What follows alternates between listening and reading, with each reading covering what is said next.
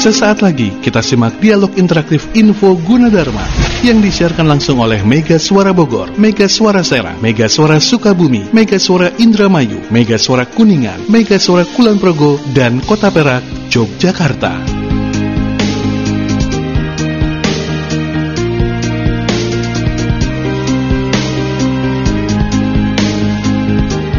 Assalamualaikum warahmatullahi wabarakatuh. Selamat pagi buat saat Mega Suara ada di Bogor, Serang, Sukabumi, Indramayu, Kuningan, Kulon Progo, Kota Perak, Yogyakarta. Info Yuji kembali lagi juga disiarkan langsung di Yuji Radio, Yuji TV, dan MGS TV ya. Hari ini hari Rabu, kita sudah terhubung dengan Alvin yang ada di Studio Gunadarma. Selamat pagi Alvin. Selamat pagi Dika. Iya, minal aidin wal faizin, mohon maaf lahir batin Alvin. Sama-sama Dika. Iya THR-nya?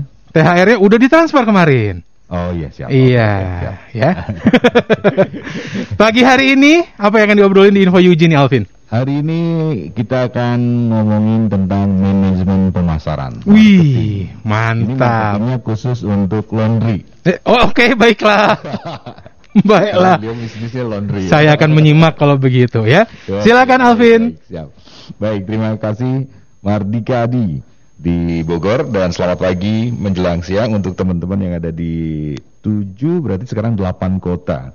Di 8 kota kemudian di Radio Mega Suara Network kemudian UG Radio atau Universitas Gunadarma Radio kemudian di dua televisi yang pertama ini di MGS TV Sukabumi dan juga uh, UG, UGTV ini adalah di Jabotabek seperti biasa setiap hari Rabu dan Sabtu kita jumpa lagi dalam program Info Gunadarma atau Info UG dan kita akan ngobrol-ngobrol selama satu jam sampai pukul 10 waktu Indonesia Barat nanti.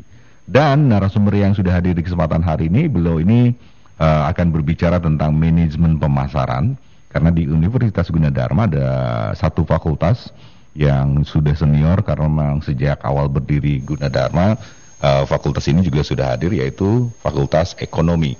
Dan di dalam Fakultas Ekonomi ini ternyata ada beberapa program studi, ada pembelajaran-pembelajaran atau mata kuliah-mata kuliah yang hubungannya dengan ekonomi. Salah satunya yaitu adalah manajemen pemasaran. Dan narasumber yang hadir hari ini adalah beliau juga dosen daripada Fakultas Ekonomi, sibuk juga dengan kegiatan-kegiatan lain. Ada Bapak Dr. Dandi Kurnia SEMM. Apa kabar Pak Dandi?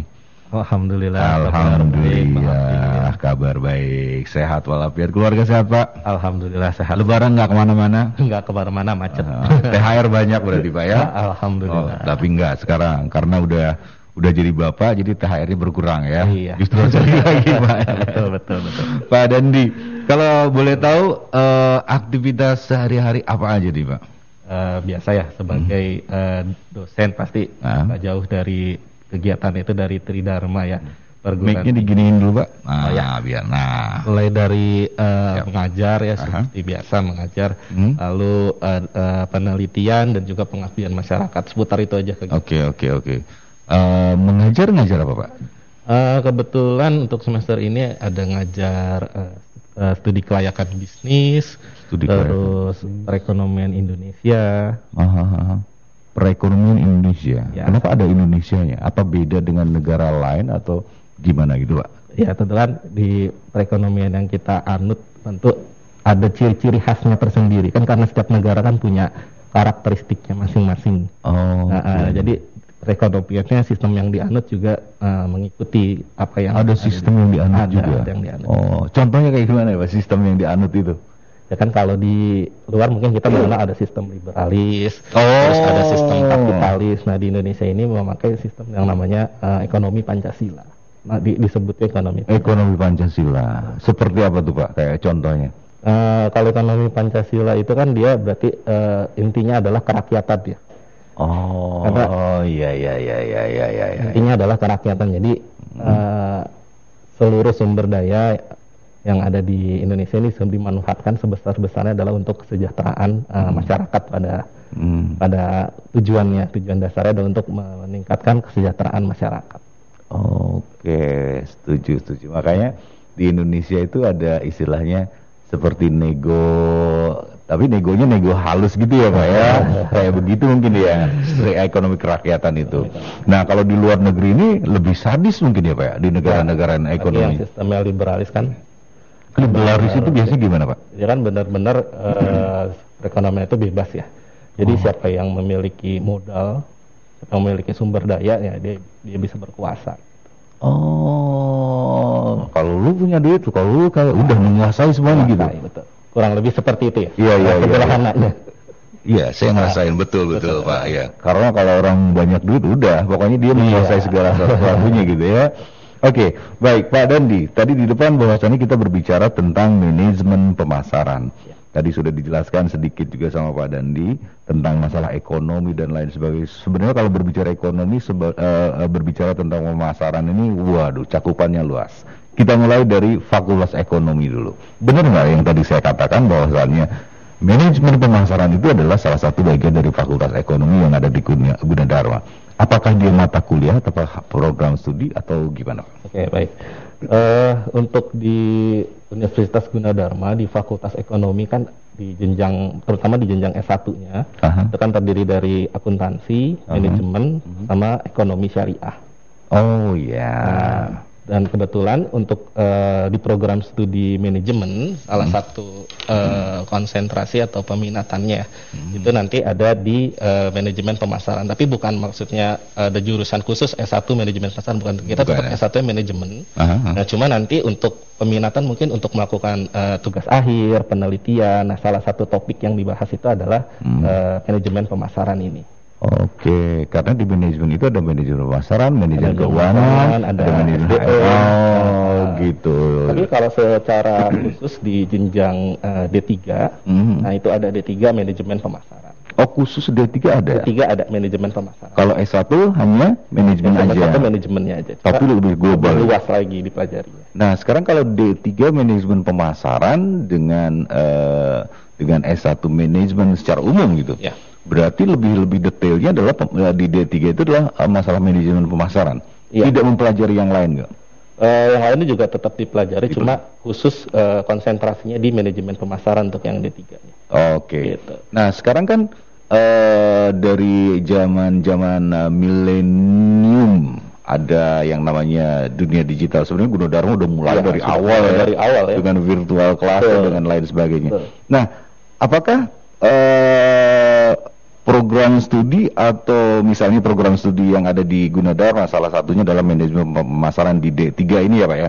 Apakah i- juga diimbangi dengan dengan era digital gitu Pak? Pembelajarannya atau pada saat prakteknya atau gimana?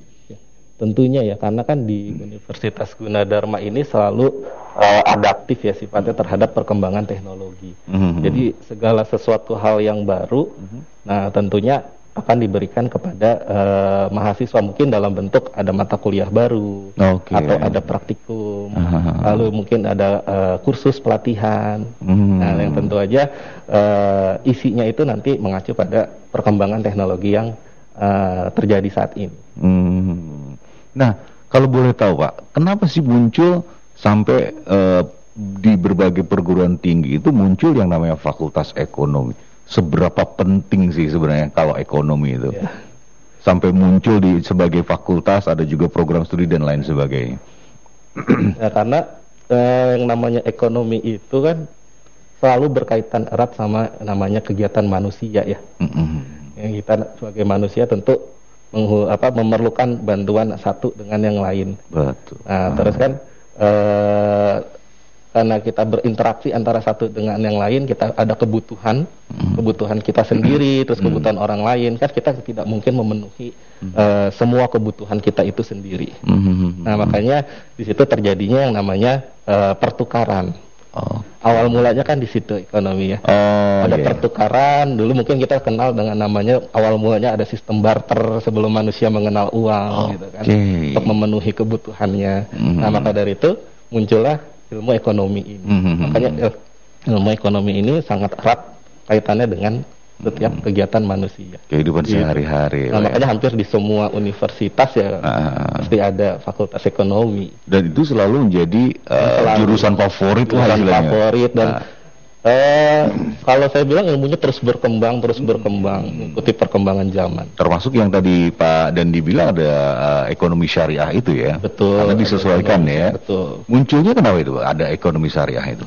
Eh, karena mungkin eh, mulainya adanya kesadaran kesadaran bahwa eh, ternyata khususnya ini khususnya di agama Islam itu telah mengajarkan Mm-mm. eh, bagaimana eh, perekonomian itu diatur Oke, oke, oke, oke. dengan adanya yang tanpa riba segala macam saling menguntungkan gitu kan kalau di ekonomi syariah kan harus saling Ya. menguntungkan tidak boleh ada yang dirugikan Mm, dan dan sekarang juga masyarakatnya juga sangat sangat sangat selektif ya pak. Sangat selektif. Wah ini ya, ada bunganya ini begitu ya pak. ya? Betul. Itu dalam dalam khusus untuk ekonomi syariah ya. Syariah. Oke baik Pak Dandi nanti kita lanjutkan. Sebenarnya kita mau bahas manajemen Oke. pemasaran tapi jadi- di awal dulu. Tapi kita break dulu pak ya. Boleh, boleh, boleh. Karena kita harus break dulu. Kita akan kembali untuk anda dalam program Info Gunadarma setelah beberapa eh, informasi berikut ini. Jangan ke mana-mana, info Gunadarma akan kembali setelah beberapa informasi berikut ini.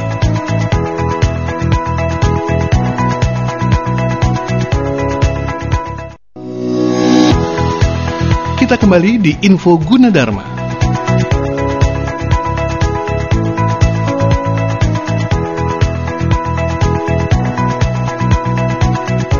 Selamat pagi, sekali lagi buat sahabat Mega Sore yang baru aja bergabung ya. Masih di info Yuji Buat sahabat Mega Sore ada di Bogor, Serang, Sukabumi, Indramayu, Kuningan, Kulon Progo, Kota Perak Dan di, eh Kota Perak Yogyakarta maksudnya. Disiarkan langsung juga di Yuji Radio Ada di Yuji TV dan MGS TV ya. Ada Alvin di Studio Gunadarma. Alvin ini ada pertanyaan dari sahabat Mega Suara Ada Rina di Depok nih. Oke, dia nanya Alvin kalau masuk ke eh, jurusan pemasaran ini sebenarnya minatnya apa yang paling cocok? Oke, terima kasih Alvin, Ya. silahkan. Ya, baik. Terima kasih. Ada sebelum kita bahas tentang manajemen pemasaran nih, Pak. Ada Rina di Depok. Ya.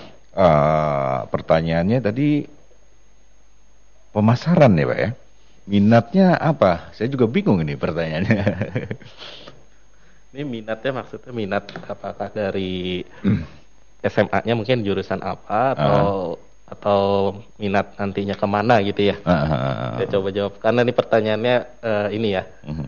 Saya coba jawab satu persatu berarti. Oke. Eh, kalau dari jurusan SMA-nya mungkin lulusan mananya yang cocok masuk ke pemasaran kalau di ilmu ekonomi Aha. eh, khususnya jurusan manajemen itu itu dia bisa dari semua jurusan. Dari semua jurusan. Ah, lulusan IPA boleh, lulusan IPS boleh, Hmm. lulusan bahasa boleh, sama dari SMK juga boleh. SMK tapi mungkin SMK yang sebidang ya, Mhm. SMK yang eh, sebidang. Oke. Nah itu- mungkin uh, uh, itu kalau dari mi- dari SMA-nya jurusan apa. Tapi kalau minatnya nanti mungkin setelah di pemasa apa masuk pemasaran nanti minatnya mau ke mana gitu ya. Hmm. Nah sebenarnya banyak banget ya bidang-bidang yang uh, bisa kita Hmm. uh, capai melalui uh, bidang manajemen pemasaran. Oke. Nggak nggak selalu misalnya kita uh, lulusan atau ilmu kita di bidang manajemen pemasaran nggak selalu kerjanya misalnya oh jadi sales gitu kan. Kan kesannya gitu ya oh pemasaran eh, masarin barang terus nih jadi sales. Nggak nggak juga gitu loh.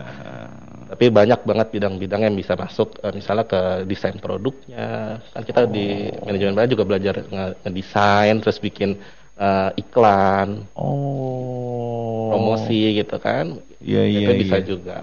Karena karena mungkin di dalam eh, pemasaran itu kan banyak-banyak elemen Banyak- ya banyak seperti elemen. harganya itu ya Mbak. Itu juga termasuk pemasaran kan ya? Betul. Harga produk dan lain Oke deh. Sekarang kita berbicara tentang manajemen pemasaran dulu deh. Oke. Sebenarnya secara global manajemen pemasaran tuh kalau bahasa Inggrisnya berarti marketing, Marketing. management kali Pak ya. Sebenarnya apa itu manajemen pemasaran itu Pak? Baik, eh, kalau manajemen pemasaran kalau secara umum sih kita eh, mengartikannya sebagai eh, proses ya. Proses mengenalkan produk. Jadi kita punya produk, kita menghasilkan suatu produk. Jadi gimana caranya supaya masyarakat tahu kita punya produk. Oke, oke. Nah, tapi kalau kita telah ah lebih lanjut, sebenarnya marketing itu bukan hanya kita mengkomunikasikan produk kita supaya diketahui masyarakat aja melalui iklan dan seba Iya, dan iya. sebagainya. Tetapi lebih dari itu, eh, marketing itu dimulai dari strategi, Oke. mulai dari penyusunan strategi. Jadi mungkin sebelum produk tersebut diluncurkan, kita harus atur dulu strateginya. Oh. Seperti apa pengenalannya, kita mau melalui uh, jalur apa pengenalannya, mm-hmm. sampai dengan nanti produk itu dirasakan oleh konsumen. Mm-hmm. Nah, jadi kegiatan marketing itu tidak selesai sampai produk itu terjual. Mm-hmm. Nah, kan ada ya, misalnya kalau produk sudah terjual udah laku ya udah, berarti pemasarannya sukses gitu. Mm-hmm. Nah, tapi nggak sampai di situ aja. Mm-hmm. Ternyata sampai dengan uh, produk tersebut dirasakan oleh konsumen. Jadi bagaimana kepuasannya, bagaimana uh, konsumen nanti mau beli lagi atau enggak gitu kan. Nah, itu kan biasanya kita sebut sebagai uh, apa situasi after salesnya. After sales. Nah, okay. after salesnya pelayanan kita gimana? Nah, kan yang baik itu pemasaran mulai dari awal sampai dia beli itu kalau bisa konsumen selalu merasakan kepuasan. Hmm. Oke, okay. tadi di, di, dijelaskan juga bahwasannya Uh, salah satu basic dasar untuk pemasaran ini adalah strategi ya Pak ya. Betul. Termasuk pengenalan mengenalkan produk yang kita hasilkan. Betul. Misalnya kita memproduksi misalnya satu pulpen ini bagaimana orang bisa bisa bisa tahu produk yang kita hasilkan gitu ya Pak. Betul. Nah, bagaimana cara mengenalkan produk ini kepada masyarakat?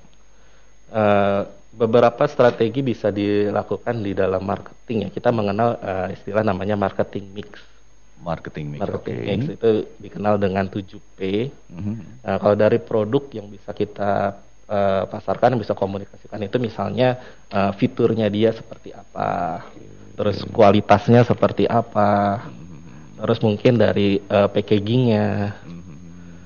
Nah itu kalau dari segi produknya, produk, jadi kita, okay. itu bisa kita tonjolkan mm-hmm. supaya masyarakat tahu oh ini produk kita uh, fiturnya ini loh kualitasnya seperti ini sehingga membedakan produk kita dengan produk yang lain hmm. atau dengan produk sejenis atau produk pesaing gitu. Iya iya iya. Itu salah satunya itu adalah salah satu dari produknya. produk. Kemudian P yang berikutnya Pak? Berikutnya mungkin dari harga. Oh, price. Price, oke. Okay. Nah, dari price mungkin kita bisa lakukan misalnya kalau produk kita masih baru, belum terlalu banyak dikenal oleh masyarakat, bisa kita lakukan uh, misalnya dengan memberikan diskon, mm-hmm. potongan harga atau biasanya yang paling banyak misalnya beli satu gratis satu gitu kan ya. Mm-hmm. Nah, itu kan tujuannya adalah untuk uh, menarik minat konsumen supaya apa? Supaya mau mencoba dulu. Mm-hmm. Nah, ketika konsumen itu udah nyoba, kemudian dia merasa puas, otomatis dia nanti akan beli lagi walaupun mungkin nanti harganya udah normal. Oh, gitu. ya. Karena orang Indonesia yang tadi Pak Dandi bilang juga ekonominya juga ekonomi kerakyatan ya. yang lebih Biasanya kita coba dulu nih, wah udah murah, produknya bagus, pasti diminatin iya, kalau di Indonesia. Produknya bagus ya, ya. Oke, setelah harga apa Pak? Setelah harga mungkin place ya. Hmm, place tempat place, ya. Place itu tempat ya. Terkait sama tempat mungkin uh, kalau untuk uh, usaha-usaha yang membutuhkan tempat secara fisik ya seperti restoran gitu ya mungkin okay. butuh tempat yang strategis. Lalu juga place di sini juga saluran distribusinya. Jadi bagaimana kita menyalurkan produk kita ke pada konsumen?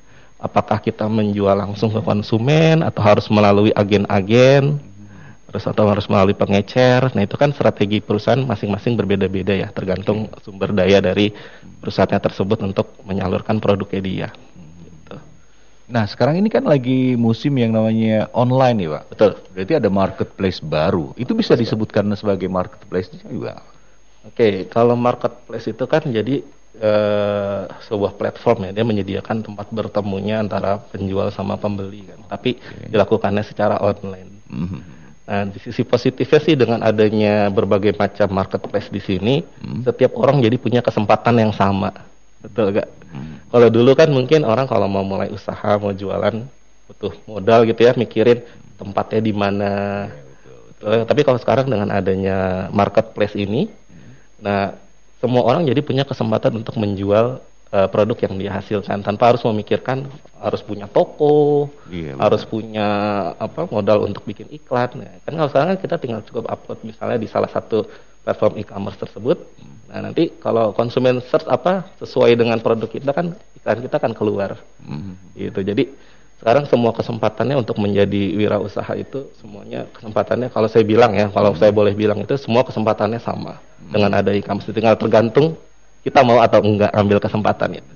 Bisa nggak dikatakan bahwasannya uh, salah satu beberapa syarat marketing itu adalah yang tadi produk, kemudian price, Price, kemudian place. place. Hmm. Nah, si place ini kan tempat ya Pak, kayak counter gitu. Hmm. Nah, sekarang itu sudah diganti dengan yang namanya dunia online itu adalah marketplace atau e-commerce. Itu bisa juga masuk ke bagian itu.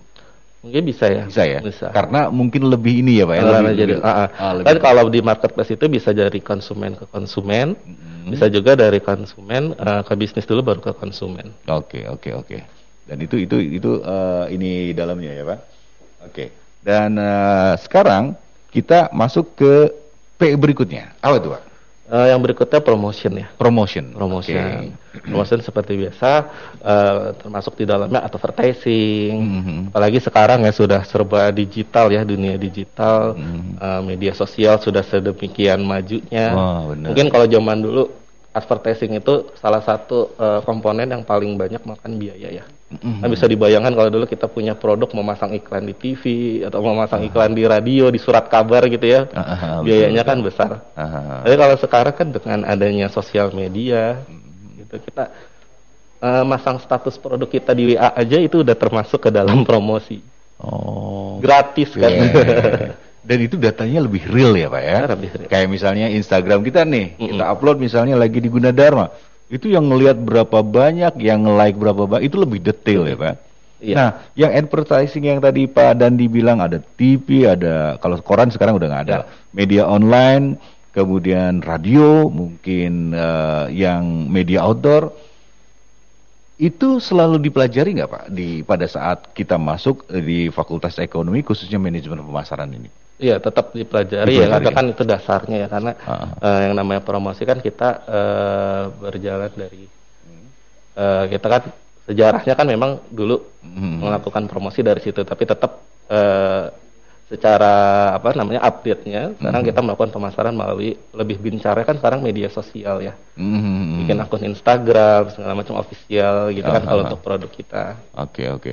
Termasuk ini juga kan, Pak ya. eh, misalnya kalau misalnya produk kita pengen banyak dicari orang, itu ada Google AdSense gitu lain sebagainya. Teh apa teh Pak? Kalau kita searching tiba-tiba yang paling atas gitu. Oh itu optimize gitu oh, ya, optimize. ah, itu untuk dipelajari juga nggak Pak? Eh, kalau di manajemen pemasaran mungkin eh, kalau di ilmu ekonominya belum ya. Oh, karena itu masuk Karena itu masuk ranah yang IT, itu ya, ya. IT iya, search engine optimizer kalau nggak salah. Ah, iya iya iya. Termasuk marketplace-nya kayak mas masuk ke sebutlah misalnya kita Hmm. bikin kayak Bukalapak, Shopee, Lazada dan lain sebagainya. Itu mungkin bagiannya dari si IT yang tadi. ya, ya, Pak? itu. Tapi kan di banyak kursus-kursus ya, Hmm. kursus-kursus, webinar-webinar yang menyediakan apa pelatihan atau pembelajaran tentang CO itu banyak. Mhm. Nah itu kita bisa pelajari secara mandiri mungkin untuk eh, hal-hal yang tidak diberikan di eh, perkuliahan. Hmm. Oke, ada P yang lainnya, Pak? Oke, ada eh, ada tiga lagi ada proses, people, sama physical evidence. Kalau proses itu eh, bagaimana eh, proses penyampaian ya, terutama untuk yang sifatnya itu jasa. Oke. Misalnya eh, kita lagi ke restoran nih, bagaimana proses dari kita misalnya eh, duduk mendapatkan tempat duduk, terus memesan makanan, sampai dengan makanannya datang, sampai dengan nanti membayar. Nah itu kan alurnya tetap di- diatur juga supaya bagaimana konsumen itu merasa nyaman di restoran kita misalnya. Atau untuk jasa-jasa yang lainnya juga pasti ada proses, ada prosedurnya. Mhm. Lalu untuk people, nah untuk people ini terkait sama eh, tenaga kerjanya. Oh, tenaga, tenaga kerja. kerjanya. Kan tenaga kerja itu bisa juga menjadi salah satu bentuk marketing ya. Mhm. Jadi kalau di restoran kita punya karyawan itu penampilannya menarik gitu Iya, ya ganteng-ganteng misalnya. benar, benar, kan berarti eh, konsumen-konsumen juga ngelihatnya senang gitu kan. Penampilan menarik bersih rapi gitu kan. Iya, iya, iya. itu bisa mencerminkan juga mencerminkan eh, bagaimana budaya di eh, restoran atau di perusahaan tersebut dari penampilan si karyawannya misalnya. Nah, itu kan butuh di training gitu Iya. ya. Dan yang terakhir di sini ada physical evidence. Jadi eh, segala sesuatu yang kita bisa lihat secara fisik ya. Mhm. jadi kalau kita punya usaha gitu kan misalnya kantornya atau kita ambil contoh restoran tadi deh. Restoran tadi gimana sih look restoran kita yang bisa dilihat dengan panca indera? Misalnya eh, furniturnya kursinya Hmm. mejanya nyaman gak nih buat orang makan Mhm. terus gedungnya Itu physical evidence ya. Physical evidence. Oh, saya baru tahu ada tiga tambahan lagi, people, proses, Proses sama, sama uh, physical physical evidence itu ya. Ya. Nah, ini ada strategi-strategi khusus nggak daripada sebuah perusahaan? Apakah itu sudah masuk semuanya, Pak, untuk manajemen pemasaran itu? Tentunya masih banyak ya strategi-strategi lain yang selain uh, marketing mix ini kan bisa dibilang dasarnya. Mhm. Tapi untuk melakukan pemasaran yang baik, pemasaran yang efisien tentunya masih ada strategi-strategi yang lain. Mhm. Misalnya ada yang namanya strategi segmenting, Mhm. ada targeting sama positioning. Iya, iya, iya. Kurang iya. lebih seperti itu. Segmenting, targeting, positioningnya Positioning, juga. ya, nah, betul. si produknya itu apakah Produknya. mau harga mahal Betul. atau harga gitu ya, Pak ya? Tuh, bagaimana menempatkan produk kita di mata pesaing ya. Hmm. Apakah kita itu pengikut, pengikut. Jadi udah ada pemimpin pasarnya, kita sebagai produk baru ngikutin sepemimpin pasar. Oke. Ataukah kita misalnya posisi produk kita sebagai penantang, penantang pasar dan seterusnya seperti itu kurang Hmm. Oke, lebih. oke. Mana yang lebih lebih lebih sukses biasanya, Pak? Apakah kita sebagai penantang, sebagai pendatang baru atau atau yang lainnya? Eh, tergantung ya, karena itu kan eh, strategi segmenting, targeting, sama positioning itu kan merupakan sebuah proses ya. Oke. sebuah proses. Jadi biasanya kalau perusahaan itu ketika mau eh, mulai usaha kan dia melakukan segmentasi dulu. Hmm. Jadi dia mau terjun di segmen apa nih? Mhm. Contohnya misalnya kayak eh, pakaian deh, pakaian itu kan segmennya bisa kita bagi-bagi ya. Ada pakaian wanita, ada pakaian pria, ada pakaian untuk dewasa, ada pakaian untuk anak-anak. Mhm. Nah itu kita jadi eh, kita tentukan dulu sesuai sama eh, sumber daya yang kita miliki. Misalnya kita minatnya atau kapasitas kita untuk terjun di segmen yang mana. Gitu. Hmm. Nah nanti setelah menentukan segmen, baru kita tentukan targetnya. Targetnya siapa, konsumennya siapa, pasarnya eh, di mana gitu misalnya. Mhm. Nah, baru setelah itu kita positioning. Jadi setelah kita punya segmen, punya target, nah kita memposisikan dulu diri kita. Mhm. Kita lihat ada di posisi apa nih kita gitu. Oke. Kalau menurut Pak Dandi, orang Indonesia secara umum ya, Hmm. eh, segmennya ke mana, Pak? Segmen apa dulu nih? segmen kayak misalnya kita saya mau bikin satu produk misalnya yang tadi baju misalnya Mm-mm. Apakah saya mau harga mahal harga murah harga standar atau gimana Oh, ya, kalau secara, di secara umum ya. Ah, ah, kalau secara secara umum itu perilakunya itu kalau di Indonesia sukanya barang yang murah tapi kualitasnya bagus. Udah pasti itu. udah pasti ya Makanya Tanah Abang rame.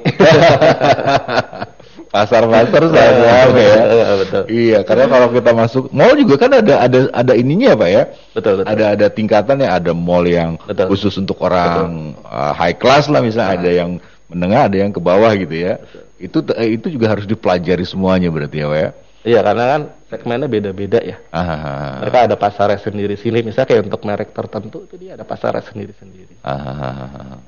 makanya sekarang suka keluar wah kita eh, kalau orang kaya kan beda kita hitung nih outfitnya dari atas sampai bawah bawah. nah, bikin sakit hati tuh karena kita belanja di pasar gitu ya Tapi belum tentu, belum tentu kadang-kadang produk yang ada di pasar juga kualitasnya nggak kalah. Nggak Ah. kalah sama yang di mall-mall papan atas itu juga. Iya, karena yang tadi Pak Dandi Mm-mm. bilang itu produk eh, produk-produk yang di pasar-pasar itu karena mereka mungkin kurang promosi, Promosi image-nya ya. Imi, bener. Karena mungkin perusahaan-perusahaan yang baju-baju bermerek itu karena udah terkenal dari Terkenal, dulu dan betul. harga eh, apa biaya promosi juga sangat besar. Sangat besar, betul. Hmm. Itu artinya bahwasannya eh, dari beberapa P yang tadi dijelaskan sama Pak Dandi, eh, mana nih yang harus kita prioritaskan? Apakah secara bersama-sama atau gimana? Ya, biasanya sih secara bersama-sama ya karena kan Nah. merupakan strategi eh, marketing mix ya. Jadi Hmm. kalau sebuah perusahaan itu bisa mengkombinasikan dengan baik, Mhm. nah itu kemungkinan kesuksesannya pasti akan lebih besar. Hmm, oke oke. Pak, tadi kembali lagi tentang pengenalan produk yang uh, dari advertising. Uh, kalau kalau di manajemen pemasaran atau di fakultas ekonomi dipelajari nggak Pak data-data? Misalnya adalah kayak Instagram sekarang kan lagi musim yang namanya apa? Selebgram. Followernya berapa, like-nya berapa, view-nya berapa. Nah sekarang radio, kemudian TV, kemudian media online dipelajari juga nggak Pak datanya bahwasan TV ini yang paling bagus karena banyak penontonnya atau jamnya jamnya segini atau programnya begini enggak Pak? Eh, mungkin kalau secara eh, ini ya secara dosennya biasa sih akan menjelaskan ya Mhm. menjelaskan pengaruh-pengaruh dari kayak Ah, misalnya selebgram itu pengaruhnya. Oke, oke. terus pengaruh dari iklan di TV terhadap penjualan misalnya seperti itu Mhm. apalagi selebgram ya selebgram Iya. itu kan followersnya banyak ya banyak juga kok penelitian-penelitian mahasiswa ngambil eh, misalnya pengaruh selebgram siapa terhadap penjualan produk apa misalnya itu karena memang setelah diteliti mem- memiliki pengaruh selebgram itu Dari hasil penelitian itu, ada mahasiswa yang meneliti seperti itu Oh, Oke, dibandingkan dengan media-media lain. betul Karena mungkin setiap hari kita yang paling pertama paling kita buka sosmed ya Pak ya. betul sosmed Ah, nggak mungkin nonton TV, nggak mungkin dengerin radio, nggak mungkin media online, pasti sosmed dulu ya Pak ya. ya itu karena kan sekarang perilakunya ya udah berubah ya terutama yang anak-anak generasi yang disebutnya milenial ya Ya. milenial ya kadang perilaku udah berubah beda mungkin ya sama kita Dengan orang tua. ya kita kalau dulu bangun tidur baca koran nonton TV ya Mm, benar, kalau benar. sekarang mah bangun tidur buka HP mau tidur buka HP gitu kan iya, iya. Nonton TV juga nggak pernah. YouTube sekarang ya. YouTube, betul. Ah, YouTube, Atta Netflix. Sampai ada jabatan baru, cita-cita baru katanya pengen jadi youtuber gitu. betul. Oke Pak Dandi, Eh, nanti kita lanjut obrolan kita. Kita harus break dulu eh, karena teman-teman yang ada di Mega Suara Network, di MGS TV dan UGTV memiliki beberapa informasi penting yang harus disampaikan. Saya akan kembali untuk Anda setelah beberapa informasi berikut ini. Jangan ke mana-mana, info Gunadarma akan kembali setelah beberapa informasi berikut ini.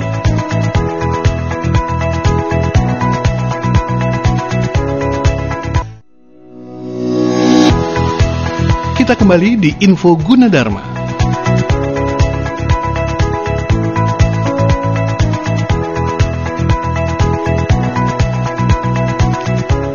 Kembali lagi di info Yuji pagi hari ini. Ini sesi terakhir. Alvin, ini ada pertanyaan dari sahabat Mega Suara yang ada di Kulon Progo ya.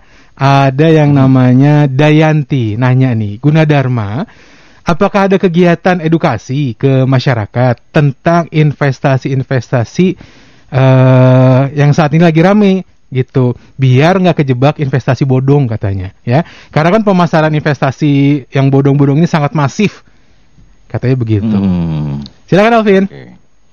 Baik, siap. Terima kasih. Mardika Adi. Wah, Oke. seru nih Pak. Heeh. Saya juga pernah investasi Pak. Oh, nyangkut. Boro, boro-boro investasi. Gimana nih Pak? Bener nih, baru keingetan. Hmm. Hmm. Gimana? Oke, kalau di Universitas Gunadarma sendiri itu untuk terkait dengan inve- pembelajaran investasi ya. Di Gunadarma sendiri itu ada yang namanya eh, galeri investasi. Oke. Nah itu eh, sudah ter- terhubung ya, terhubung dengan eh, apa eh, bursa efek ya. Hmm. Oh, belajar juga Ya, ya. Jadi di situ memang khusus wadah untuk eh, mahasiswa-mahasiswa yang minat belajar tentang eh, investasi khususnya saham. Nah biasanya di galeri investasi ini itu juga mengadakan eh, se- seminar-seminar. Mungkin kalau kemarin karena lagi pandemi webinar-webinar ya Oke. terkait dengan eh, investasi, terus eh, keamanan dan dan se- dan segala macamnya ya. Itu di Gunadarma ada. Oke. Jadi ada wadahnya. ada wadahnya ya Pak ya. Nah sekarang kita masuk ke pendaftaran mahasiswa baru. Nah kalau dua tahun kemarin ini kan online nih Pak. Ya betul. Dan saya lihat juga di websitenya, website ini di pendaftaran.gunadarma.ac.id slash 2022. Dulu dijelaskan bahwasannya eh, pendaftaran mahasiswa baru Universitas Gunadarma adalah dilakukan secara online. Ini ada proses pendaftaran mahasiswa baru jalur online-nya. Nah, sekarang tahun 2022 bagaimana nih, Pak? Oke, untuk eh, di tahun 2022 ini Mhm. eh, pendaftaran masih tetap menggunakan jalur online, namun untuk teman-teman semua yang ingin eh, berkunjung ke kampus gitu ya, berkunjung ke kampus langsung ke kantor pendaftarannya itu juga eh, dipersilahkan untuk mencari informasi karena kan di kantor pendaftarannya ada eh, stafnya ya, ada stafnya nanti bisa tanya jawab, mungkin bisa lebih lengkap dibandingkan eh, lewat online, Online, aja ya. gitu ya. Itu disediakan. Nah, tentu aja eh, dengan menerapkan eh, protokol kesehatan ya. Seperti menggunakan masker, masuk harus eh, cuci tangan dulu dan cek suhu dan seterusnya. Mhm. Kalau eh, nah ini kan banyak juga nih mahasiswa yang eh, mahasiswa baru eh, sedang cari-cari perguruan tinggi, kemudian perguruan tingginya udah dapat, program studinya Iya. apa ya, fakultasnya apa? Kalau di Gunadarma apa? Karena Gunadarma kan terkenal banget.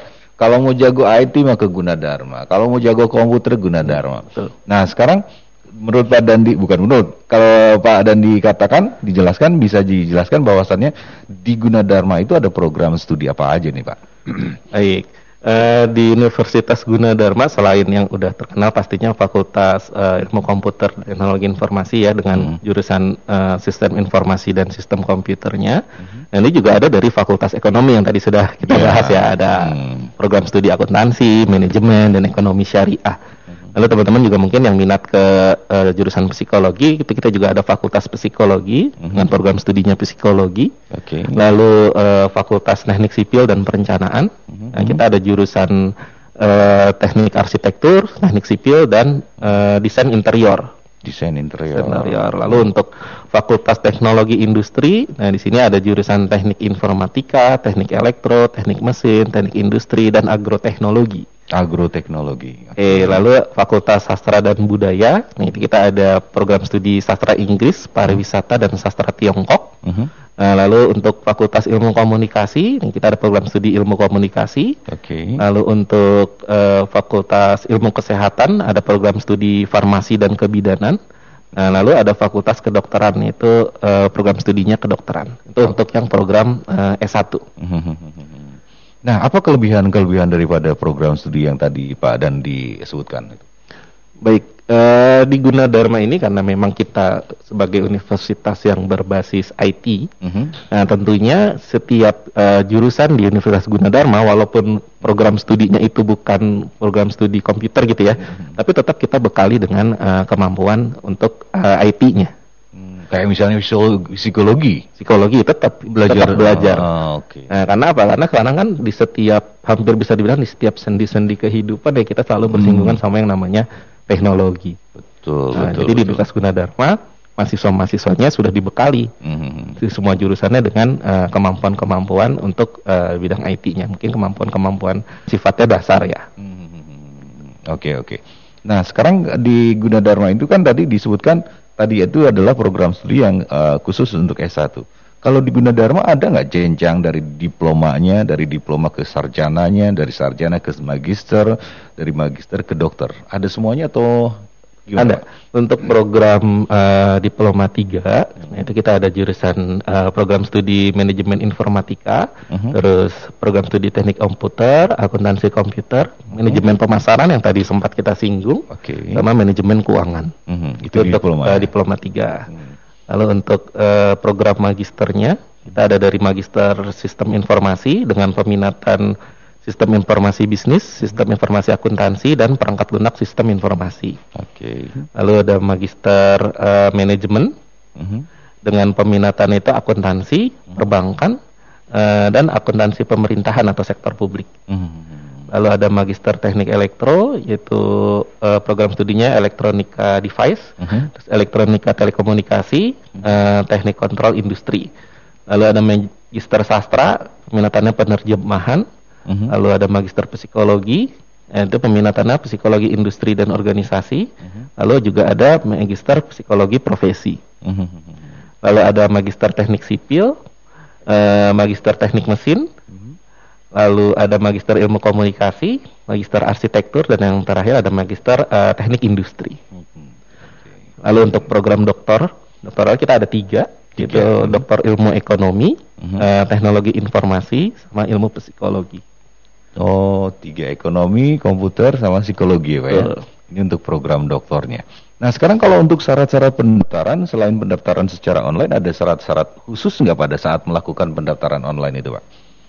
Eh, syarat khususnya paling nanti setelah eh, itu ya eh, proses eh, untuk pendaftaran kan biasanya kita ada eh, beli formulir, Mhm. terus kita juga ada eh, ujian masuknya, Oke. terus eh, untuk administratifnya sih kita nanti mengumpulkan eh, fotokopi ijazah, Oke. eh, SKHUN, terus. Tapi kalau eh, belum foto, ada itu masih bisa ya? masih bisa. Kalau belum ada nanti Menyusul bisa gitu ya? menyusul pas eh, proses daftar ulang. Ah, pada saat pendaftaran eh, online itu itu juga sudah ditentukan Pak. Dia pilih jurusan apa pun. Ya betul. Udah ya. Sudah termasuk sudah kampusnya betul, juga. ya? termasuk lokasi Ah, kampusnya. maksudnya ya lokasi kampusnya. eh, kita kan lokasi kampusnya ada banyak nih, Bang Ah, Alvin.